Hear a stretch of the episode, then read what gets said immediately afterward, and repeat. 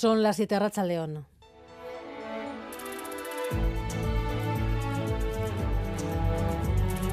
Gambara con Arancha García.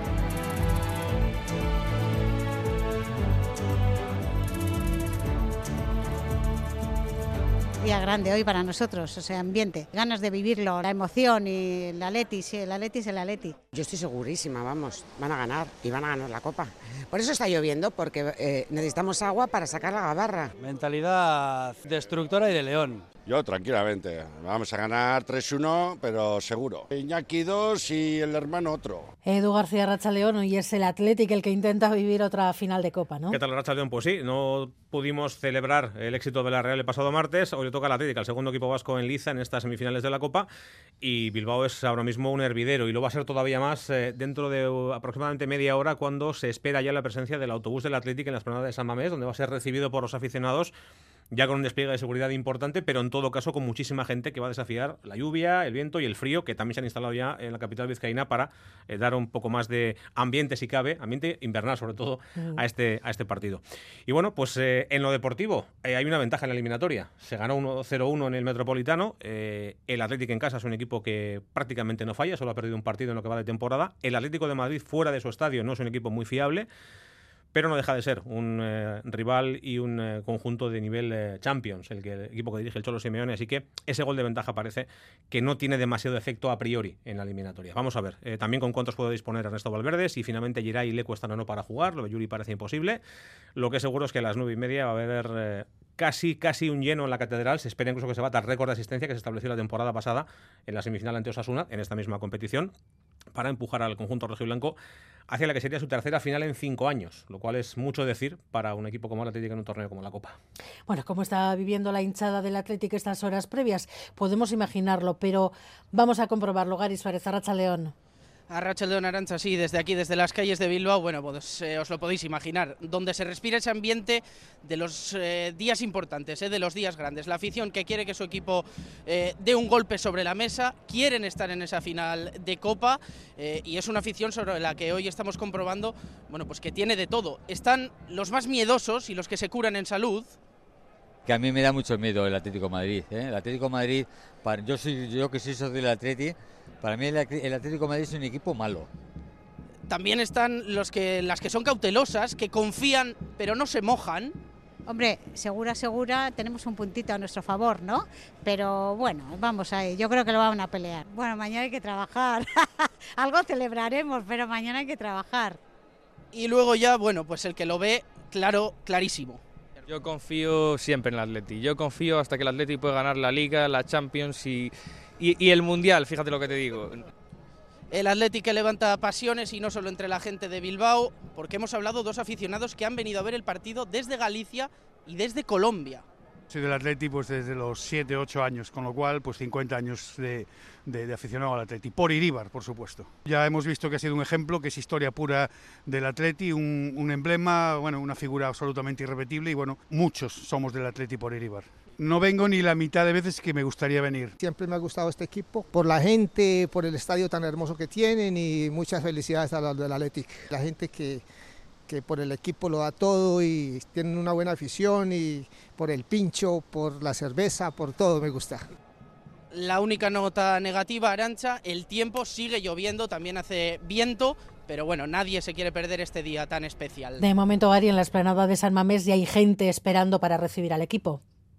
Sí, sí, sí, aquí en la esplanada de Samamés, que es eh, efectivamente donde estamos, todavía falta media hora para ese recibimiento, pero bueno, la cosa está muy movida, poco a poco ya la gente se va desplazando desde Pozas, el recibimiento que va a ser a las siete y media aquí en esta esplanada, eh, y desde hace horas la verdad se ve un despliegue policial grande, eh, con muchos efectivos de la Archencha, también furgonetas, y aquí en Samamés ya están todas las vallas dispuestas para ese recibimiento que va a ser, se espera masivo, además recordamos esa advertencia que había hecho, que había hecho la Archencha sobre el uso de bengalas de caras ese recibimiento, recuerdan que el material pirotécnico es peligroso y por eso piden que no se utilice. Pero lo cierto, Arancha, es que en nuestra ronda por Pozas ya hemos visto algunas de esas bengalas, algunos petardos y también algunos botes de humo, pero bueno, veremos qué es lo que nos encontramos aquí a las siete y media. Un partido, por cierto, Edu, de alto riesgo. Sí, eh, es eh, habitual cuando se junta tanta gente para ver un espectáculo deportivo, para un partido de fútbol y además, en este caso, se da la circunstancia de que va a haber eh, cerca de 600 aficionados del Atlético de Madrid presentes en San Mamés.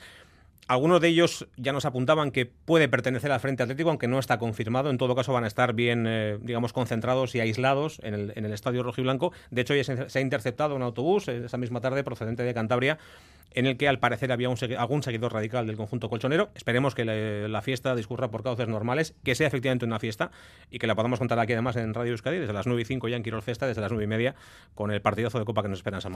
Bueno, pues a las 9 comienza aquí 9 y 5 la retransmisión del partido en Radio Euskadi. A las 9 y media comienza el partido. Podrán verlo también a través de ETV.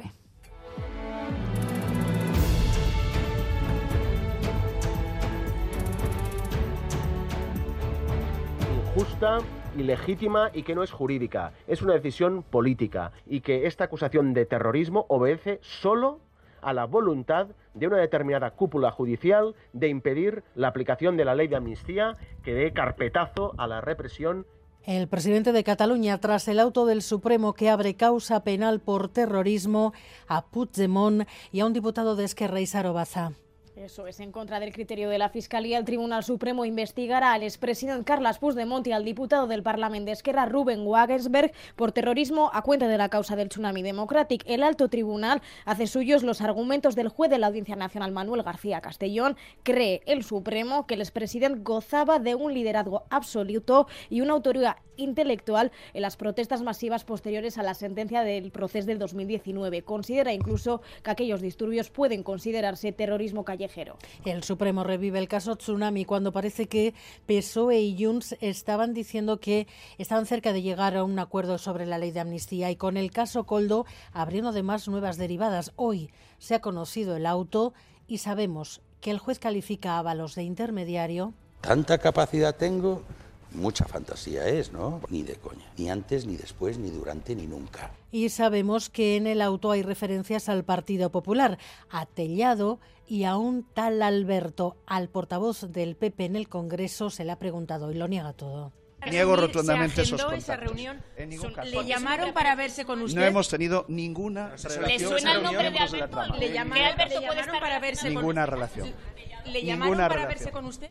El director del Guggenheim habla del proceso de ampliación del museo por primera vez desde que el ministro de Cultura pusiera en duda la viabilidad medioambiental y urbanística. Juan Ignacio Vidarte cree que el ministro de Cultura no conoce el proyecto y se ofrece a enviarle un informe para que no opine, dice, con planteamientos erróneos. Yo la verdad es que desconozco la información de que dispone el ministro de Cultura sobre este proyecto de ampliación y desde luego desde el museo estaríamos encantados de proporcionar toda la información al ministro, al Ministerio de Cultura, que no se ha dirigido a nosotros para nada en relación con este tema. PNV y PS, por cierto, creen que el ministro Urtason ha querido entrar en campaña con estas declaraciones. Por cierto, que varios ayuntamientos están moviendo para que el sorteo para la composición de las mesas electorales se adelante porque las fechas que están previstas implicarían que las comunicaciones se envíen en plena Semana Santa y muchos estarán fuera. John Iraola es alcalde de Ibar.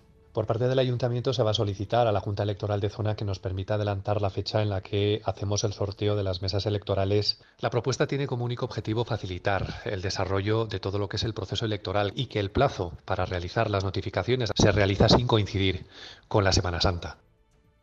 Y estamos pendientes de un incendio en un bloque de pisos en Irún esta tarde. Ha habido varios vecinos trasladados al hospital que sabemos, Joana Sánchez. El fuego se habría desatado antes de las 5 de la tarde en un edificio de viviendas en el número 6 de la calle Pelegrín de Uranzu. Bomberos de Guipúzcoa han tenido que evacuar el interior del edificio. Fuera esperaban varias ambulancias que han atendido al menos a nueve personas que han sido trasladadas a los hospitales Donostia y Vidasoa por inhalación de humo. El fuego ha sido ya sofocado. Bomberos revisan la estructura del edificio para comprobar que no hay daños en la estructura. La policía solicita a los ciudadanos mantenerse alejados de la zona y que dejen las carreteras del entorno libres. Las grandes empresas vascas están fuertes. Hoy se han publicado los beneficios del último año de varias firmas industriales que acumulan ganancias muy notables. También los de Cuchabank, que ha batido su récord histórico. El principal banco vasco ha ganado más de 500 millones de euros.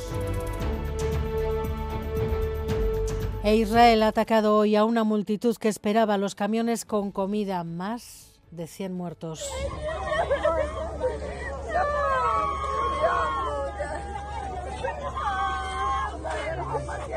Y entre tanto, Vladimir Putin avisa que enviar tropas a Ucrania, como sugirió hace unos días el presidente francés, supondría la guerra total, la guerra nuclear.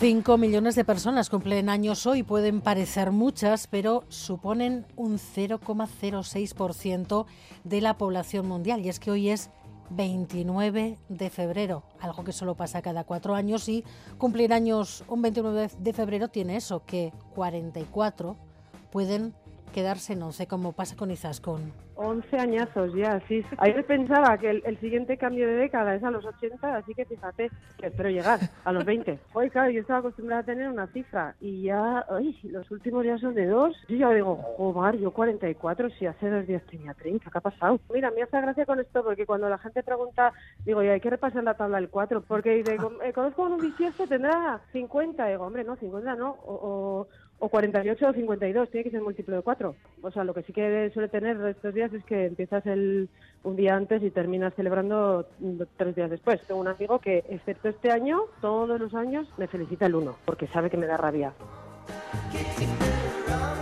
Rossini, Pedro Sánchez, como Izaskun también cumplen años hoy, y Mark Foster, el cantante de la banda que estamos escuchando, Foster the People.